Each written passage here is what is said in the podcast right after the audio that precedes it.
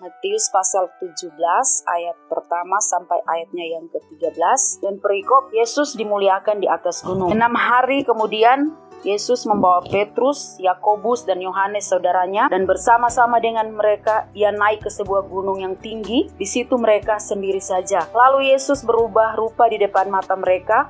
Wajahnya bercahaya seperti matahari dan pakaiannya menjadi putih bersinar seperti terang. Maka nampak kepada mereka Musa dan Elia sedang berbicara dengan dia. Kata Petrus kepada Yesus, Tuhan, betapa bahagianya kami berada di tempat ini. Jika engkau mau, biarlah kudirikan di sini tiga kemah, satu untuk engkau, satu untuk Musa, dan satu untuk Elia. Dan tiba sedang ia berkata, berkata-kata turunlah awan yang terang menaungi mereka, dan dari dalam awan itu terdengar suara yang berkata, Inilah anak yang kukasihi, kepadanya lah aku berkenan, dengarkanlah dia. Ayat 6. Mendengar itu tersungkurlah murid-muridnya dan mereka sangat ketakutan. Lalu Yesus datang kepada mereka dan menyentuh mereka sambil berkata, Berdirilah, jangan takut. Dan ketika mereka mengangkat kepala, mereka melihat. Mereka tidak melihat seorang pun kecuali Yesus seorang diri. Pada waktu mereka turun dari gunung itu, Yesus berpesan kepada mereka, Jangan kamu ceritakan penglihatan itu kepada seorang pun sebelum anak manusia dibangkitkan dari antara orang mati. Lalu murid-muridnya bertanya kepadanya, kalau demikian, mengapa ahli-ahli Taurat berkata bahwa Elia harus datang dahulu? Ayat 11, jawab Yesus, memang Elia akan datang dan memulihkan segala sesuatu. Dan aku berkata kepadamu, Elia sudah datang, tetapi orang tidak mengenal dia dan memperlakukannya menurut kehendak mereka. Demikian juga anak manusia akan menderita oleh mereka. Dan pada waktu itu, mengertilah murid-murid Yesus bahwa ia berbicara tentang Yohanes Pembaptis. Salah seorang bacakan kita keluaran pasal 24 ayat 13 sampai ayat yang ke-18. Bapak Ibu, mengapa dua ayat firman Allah ini tidak saya ambil dalam keadaan tema yang berbeda. Di situ kita melihat di dalam Matius 16 eh, Matius 17 ayat yang pertama sampai 13 bacaan kita tadi. Di situ Yesus membawa berapa orang muridnya? Berapa orang kira? Petrus, Yakobus dan Yohanes. Yesus membawa mereka untuk naik ke atas gunung yang tinggi. Kemudian di dalam bacaan yang Pak Sigit baca tadi Keluaran 24 ayat 13 sampai 18, siapa di situ? Musa dibawa naik ke atas gunung Sinai. Nah, Bapak Ibu, ada apa dengan kata gunung. Nah, Bapak Ibu, tema firman Allah pada pagi hari ini undangan untuk naik ke atas gunung. Kira-kira kalau menurut kita, satu pertanyaan bagi kita yang hadir pagi hari ini, itu gunung, kalau menurut kita, menurut pandangan Bapak Ibu, gunung itu menggambarkan seperti apa kira-kira? Kalau Bapak Ibu berada di atas sebuah gunung, apa yang Bapak Ibu lihat? Apa yang Bapak Ibu rasakan? ketika kita berada di puncak sebuah gunung, tidak usah kita naik mendaki. Puncak itu siapa yang pernah pergi ke Palu itu ada puncak Tarifa ya?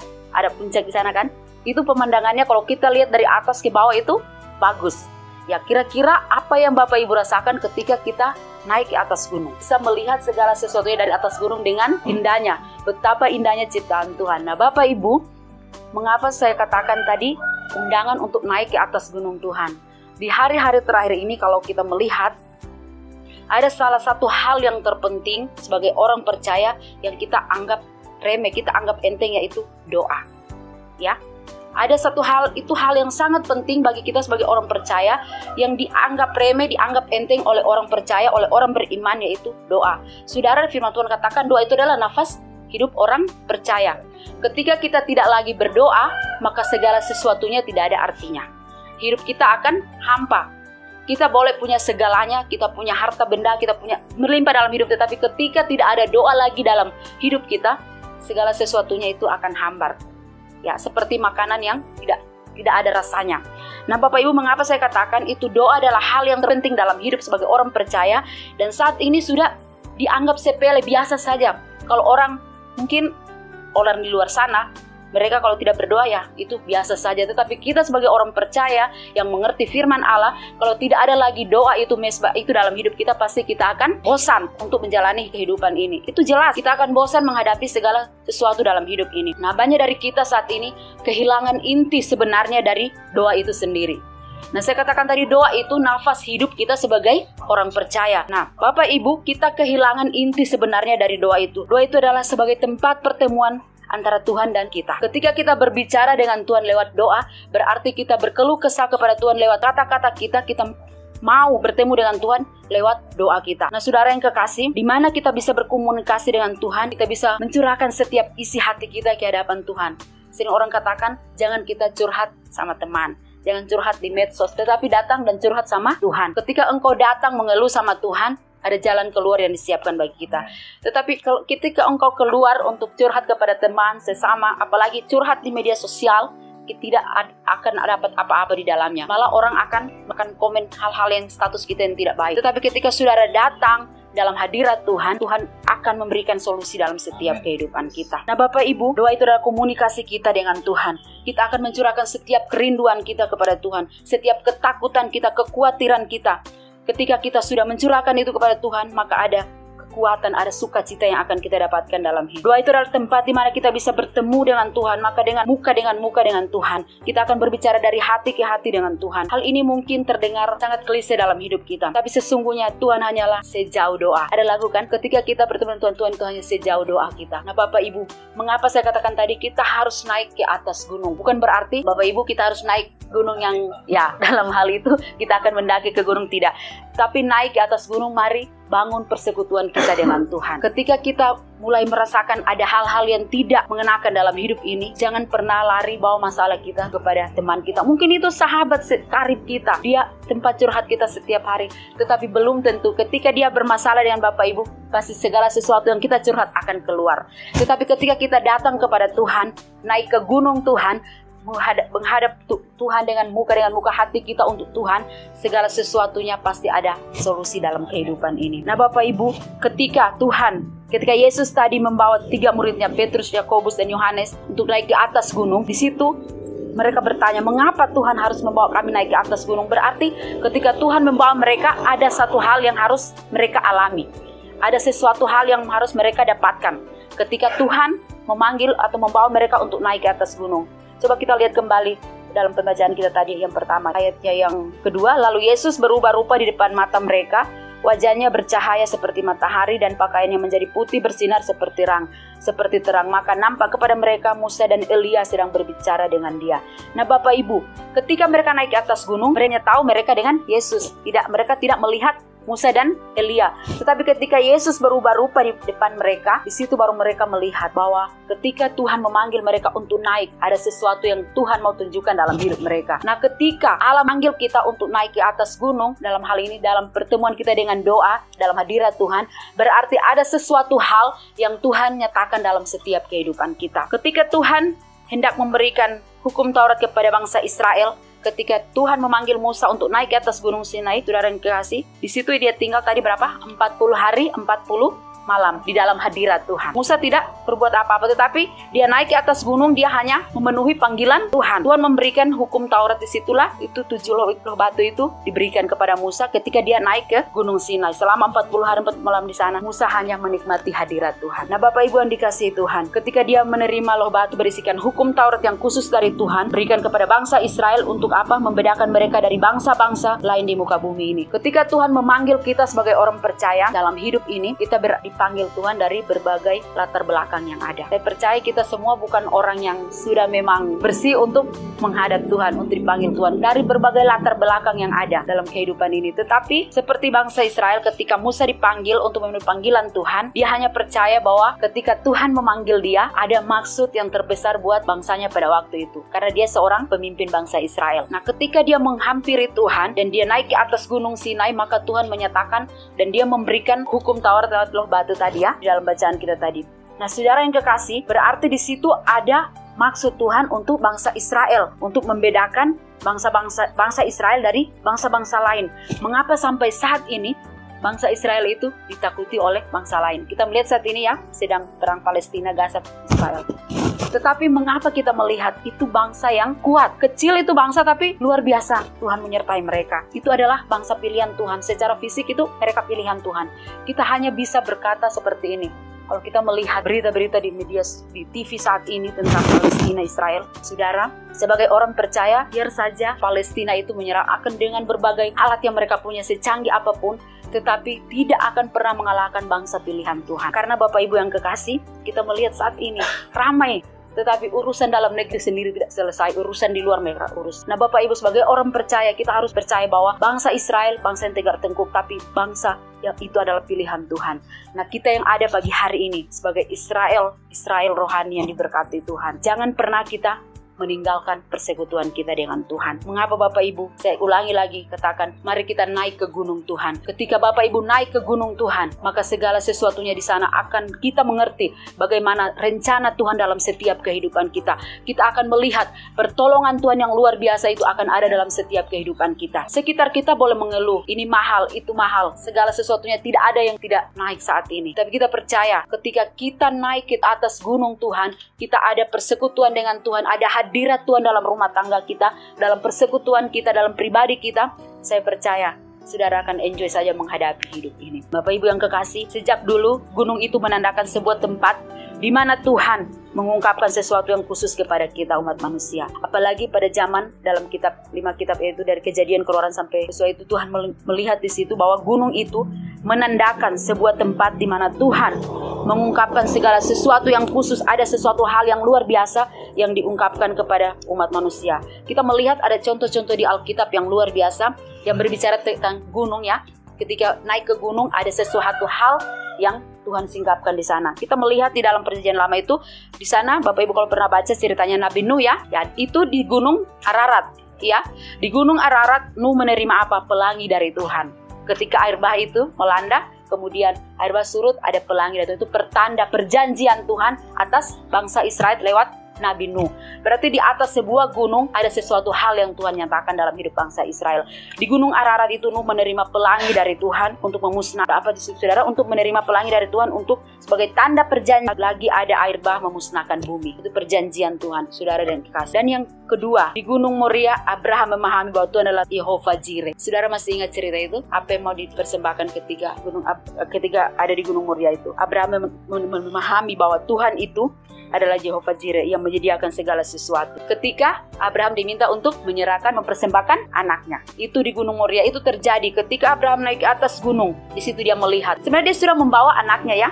Dia sudah mau persembahkan anaknya, tetapi di situ Tuhan menyatakan kuasanya. Lewat apa? Ketika dia naik ke atas gunung, dia memahami bahwa Tuhan itu adalah Jehovah Jireh, Allah yang mencukupkan, Allah yang menyediakan dalam kehidupannya. Dengan berkata bahwa Melalui keturunan Abraham yaitu Yesus semua bangsa di bumi akan diberkati termasuk kita yang ada pagi hari ini. Nah saudara yang kekasih, di mana lagi? Di Gunung Horeb, Elia menerima kekuatan yang baru dari Tuhan. Ketika Elia naik ke Gunung Horeb, dia menerima kekuatan yang luar biasa dari Tuhan. Di situ dia menerima mandat dan Tuhan dan Elia mengurapi siapa tadi? Bujangnya Elisa. Ya, Elia mengurapi Elisa sebagai apa penerusnya. Yesus berdoa juga di atas gunung. Yesus berdoa di atas gunung sebelum dia memilih kedua belas muridnya. Semuanya ada kata gunung. Berarti di sini saudara, ketika kemudian tadi bacaan kita ketika Yesus mengajak tiga muridnya itu juga untuk naik ke sebuah gunung. Berarti gunung di sini melambangkan ada kekuatan, ada sukacita, ada hal besar yang harus kita terima dalam kehidupan ini ketika kita naik ke sebuah gunung. Nah, Bapak Ibu, ketika kita membawa hidup kita untuk benar-benar naik ke sebuah gunung dalam mesbah doa, maka yakinlah Bapak Ibu bahwa segala sesuatu dalam hidup ini bisa kita alami. Mungkin orang lain berkata, saat ini pekerjaan sulit di luar sana. Apa kita tidak bisa lakukan lagi? Kita tidak bisa lagi begini, kita tidak bisa lagi keluar. Jalan ditutup sampai berapa, tanggal berapa tidak tahu. Tetapi kita percaya bahwa ketika kita ada di dalam Tuhan, di dalam hadirat Tuhan, kita naik ke gunung Tuhan, menghadap Tuhan segala sesuatunya itu mudah bagi orang percaya. Nah saudaraku yang kekasih, ada perubahan yang terjadi pada orang-orang yang pergi ke gunung Tuhan. Kita harus percaya, kita harus yakini bahwa ketika kita berada di gunung Tuhan, ketika kita sudah naik ke gunung Tuhan, ada perubahan yang akan terjadi dalam hidup kita. Ketika karena gunung itu melambang, melambangkan apa Bapak Ibu? Ketenangan dalam hidup ini. Seperti saya katakan tadi, ketika kita berada di satu puncak gunung, pasti kita akan melihat pemandangan yang bagus. Kita akan merasa tenang. Segala stres kita mungkin akan hilang ketika kita ada di gunung itu. Ada ketenangan. Karena gunung itu adalah apa? Tempat yang terpencil ya. Karena ketika kita berada di atas gunung, kita sendiri di situ, kita akan melihat ke bawah, sungguh luar biasa pemandangan yang ada. Itu sangat terpencil, maka hati kita akan merasakan ada ketenangan yang luar biasa dalam hidup ini. Nah Bapak Ibu yang kekasih, makanya saya katakan ketika kita naik ke gunung, itu gunung melambangkan tempat yang sangat tenang, jauh dari keramaian, terpencil. Kita akan berteriak di situ sesuka hati kita bisa. Tidak ada orang dengar. Paling kita punya itu sendiri yang dengar. Nah saudara yang kekasih, makanya dalam hidup ini ketika kita naik ke gunung Tuhan, kita ada dalam hadirat Tuhan, ada ketenangan yang luar biasa yang akan kita dapatkan. Ada ketenangan yang luar biasa yang harus kita alami dalam hidup ini. Kita harus naik ke gunung, kita akan meninggalkan sejenak kesibukan kita di luar sana. Kita akan meninggalkan kesibukan kita sehari-hari. Mungkin Bapak Ibu sebagai petani, mari kita sudah melakukan setiap aktivitas kita di luar sana. Ketika Bapak Ibu sudah merasakan mulai ada kejenuhan dalam hidup ini, ada kebosanan, itu terus terang dalam hidup kita, kita akan merasakan seperti itu. Kecuali orang yang sudah mati tidak akan pernah merasakan hal itu.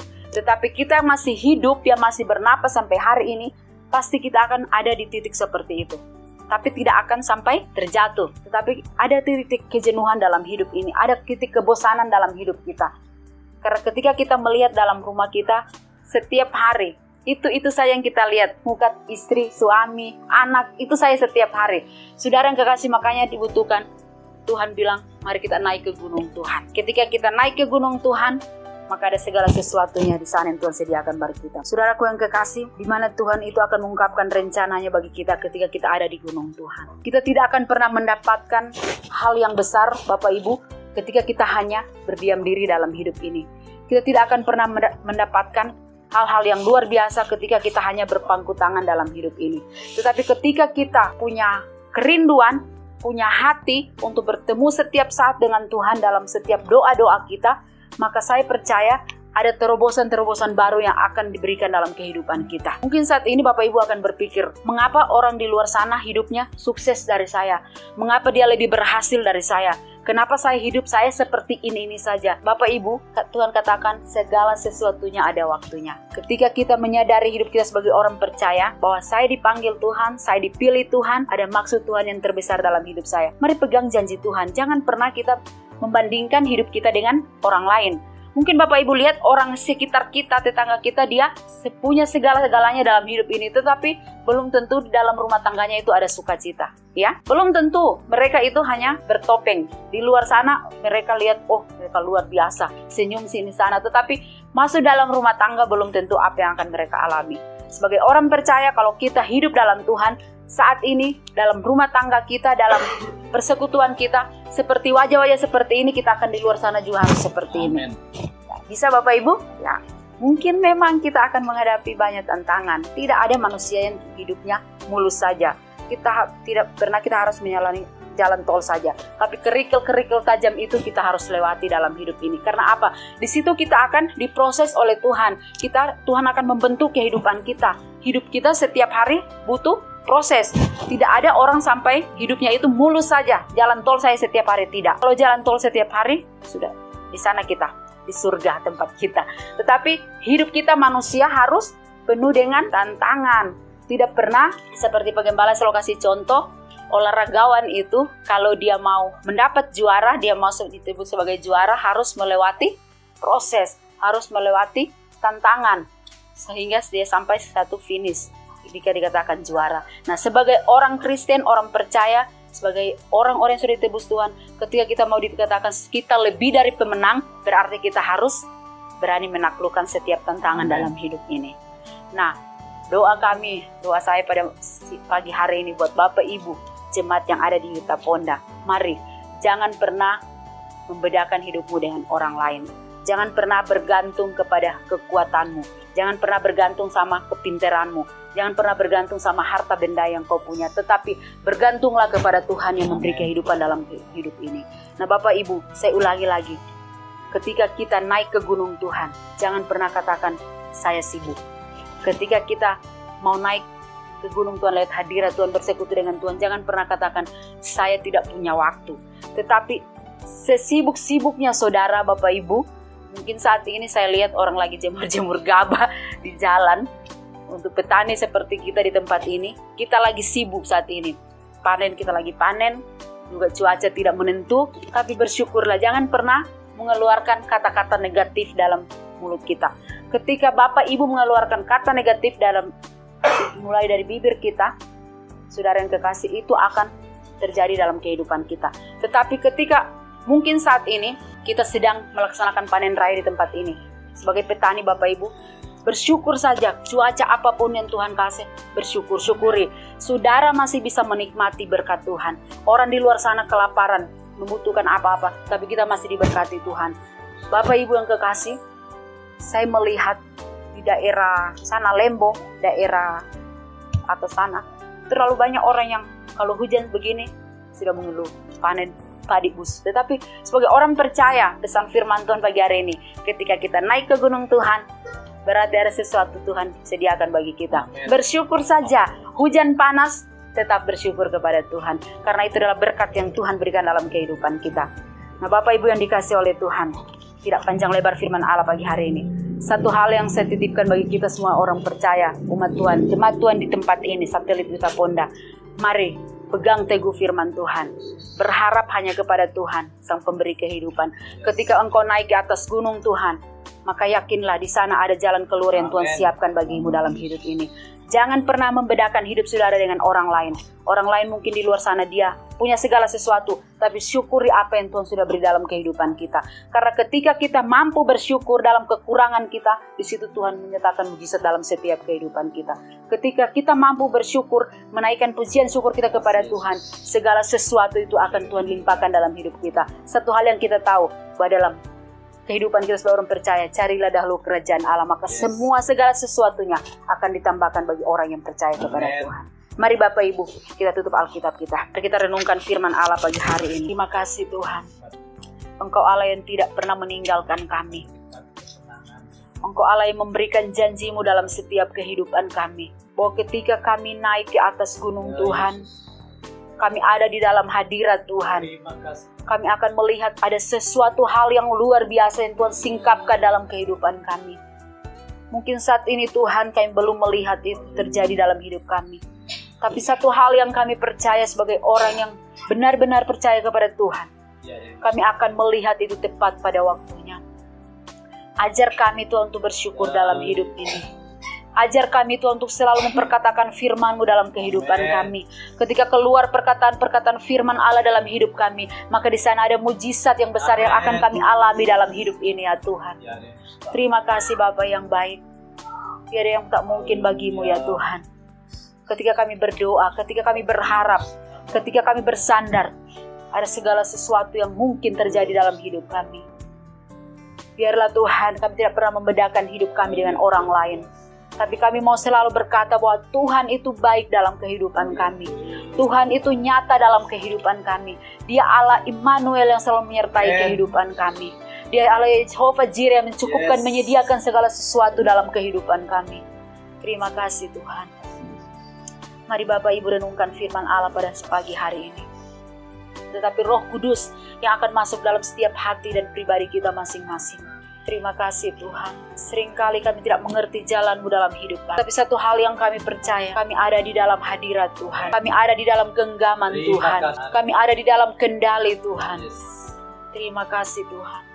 Terima kasih Tuhan buat umat-umatmu ada di tempat ini. Ajar terus kami untuk bersyukur dalam hidup ini Tuhan. Ketika kami mampu bersyukur dalam kekurangan kami. Ada mujizat Tuhan yang besar yang harus kami alami dalam hidup ini. Terima kasih Roh Kudus.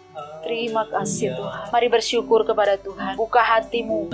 Mari perkatakan firman Tuhan dalam setiap kehidupan kita.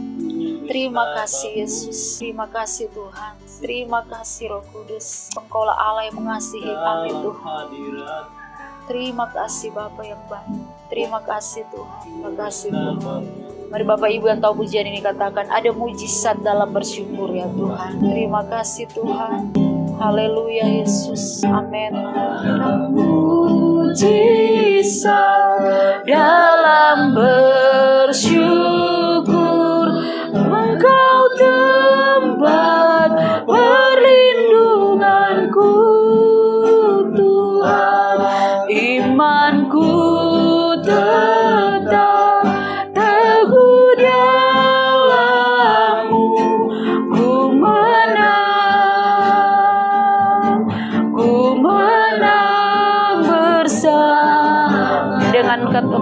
pujian ini ada mujizat. Mari bangkit berdiri. Amin. Ini pengakuan kami pagi hari ini Tuhan. Terima kasih Yesus. Haleluya. Terima kasih Tuhan. Imanku tetap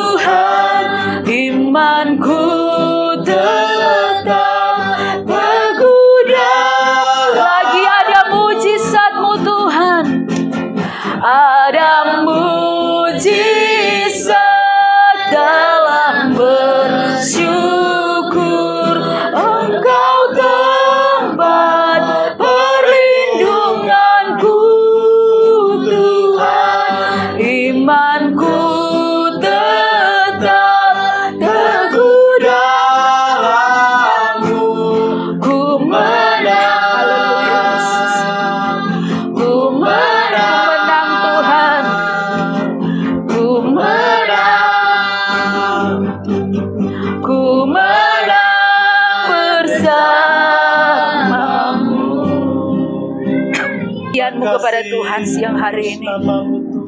Dia memiliki segala yang ada di muka bumi Dia yang memberkati hidupmu sampai saat ini.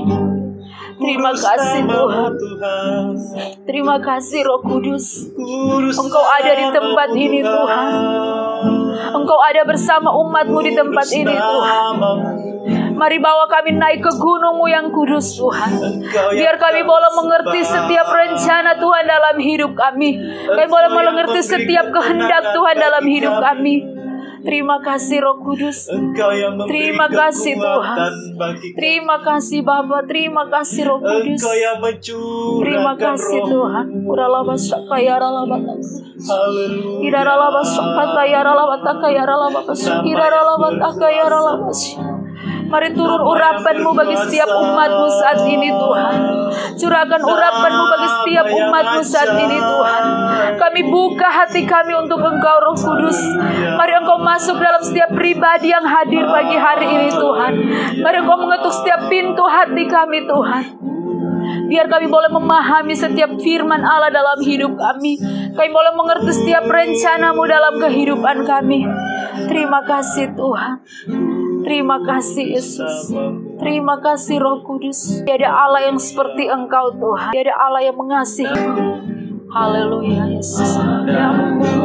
Mujizat dalam bersyukur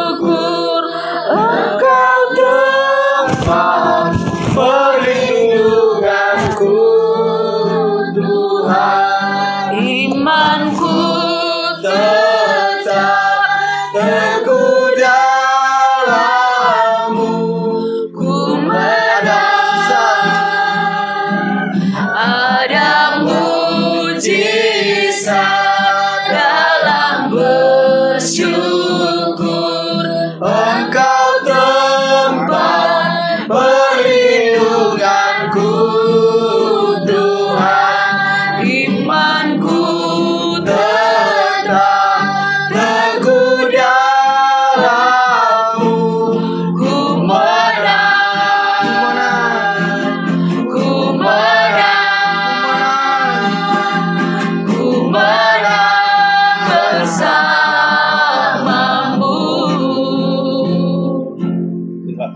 kasih. Terima kasih Tuhan Kami menaikkan pujian syukur kami kepada Tuhan Buat segala kebaikanmu, kemurahanmu dalam hidup kami. Biarlah mulut kami, bibir kami Senantiasa menaikkan pujian syukur kami kepadamu Tuhan. Apa yang kami alami Tuhan Mungkin kami dalam mengalami tekanan Problema dalam rumah tangga kami, anak-anak kami ya Tuhan.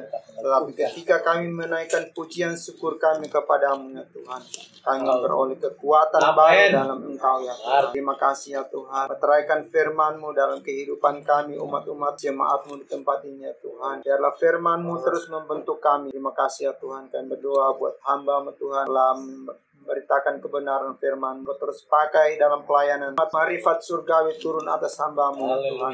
Setiap kali hamba memberitakan kebenaran firmanmu banyak jiwa yang dimenangkan bagi engkau ya Tuhan. Terima kasih ya Tuhan. Kami berdoa Tuhan buat umat Tuhan yang ada di Wita Ponda ini ya Tuhan. satelit Wita Ponda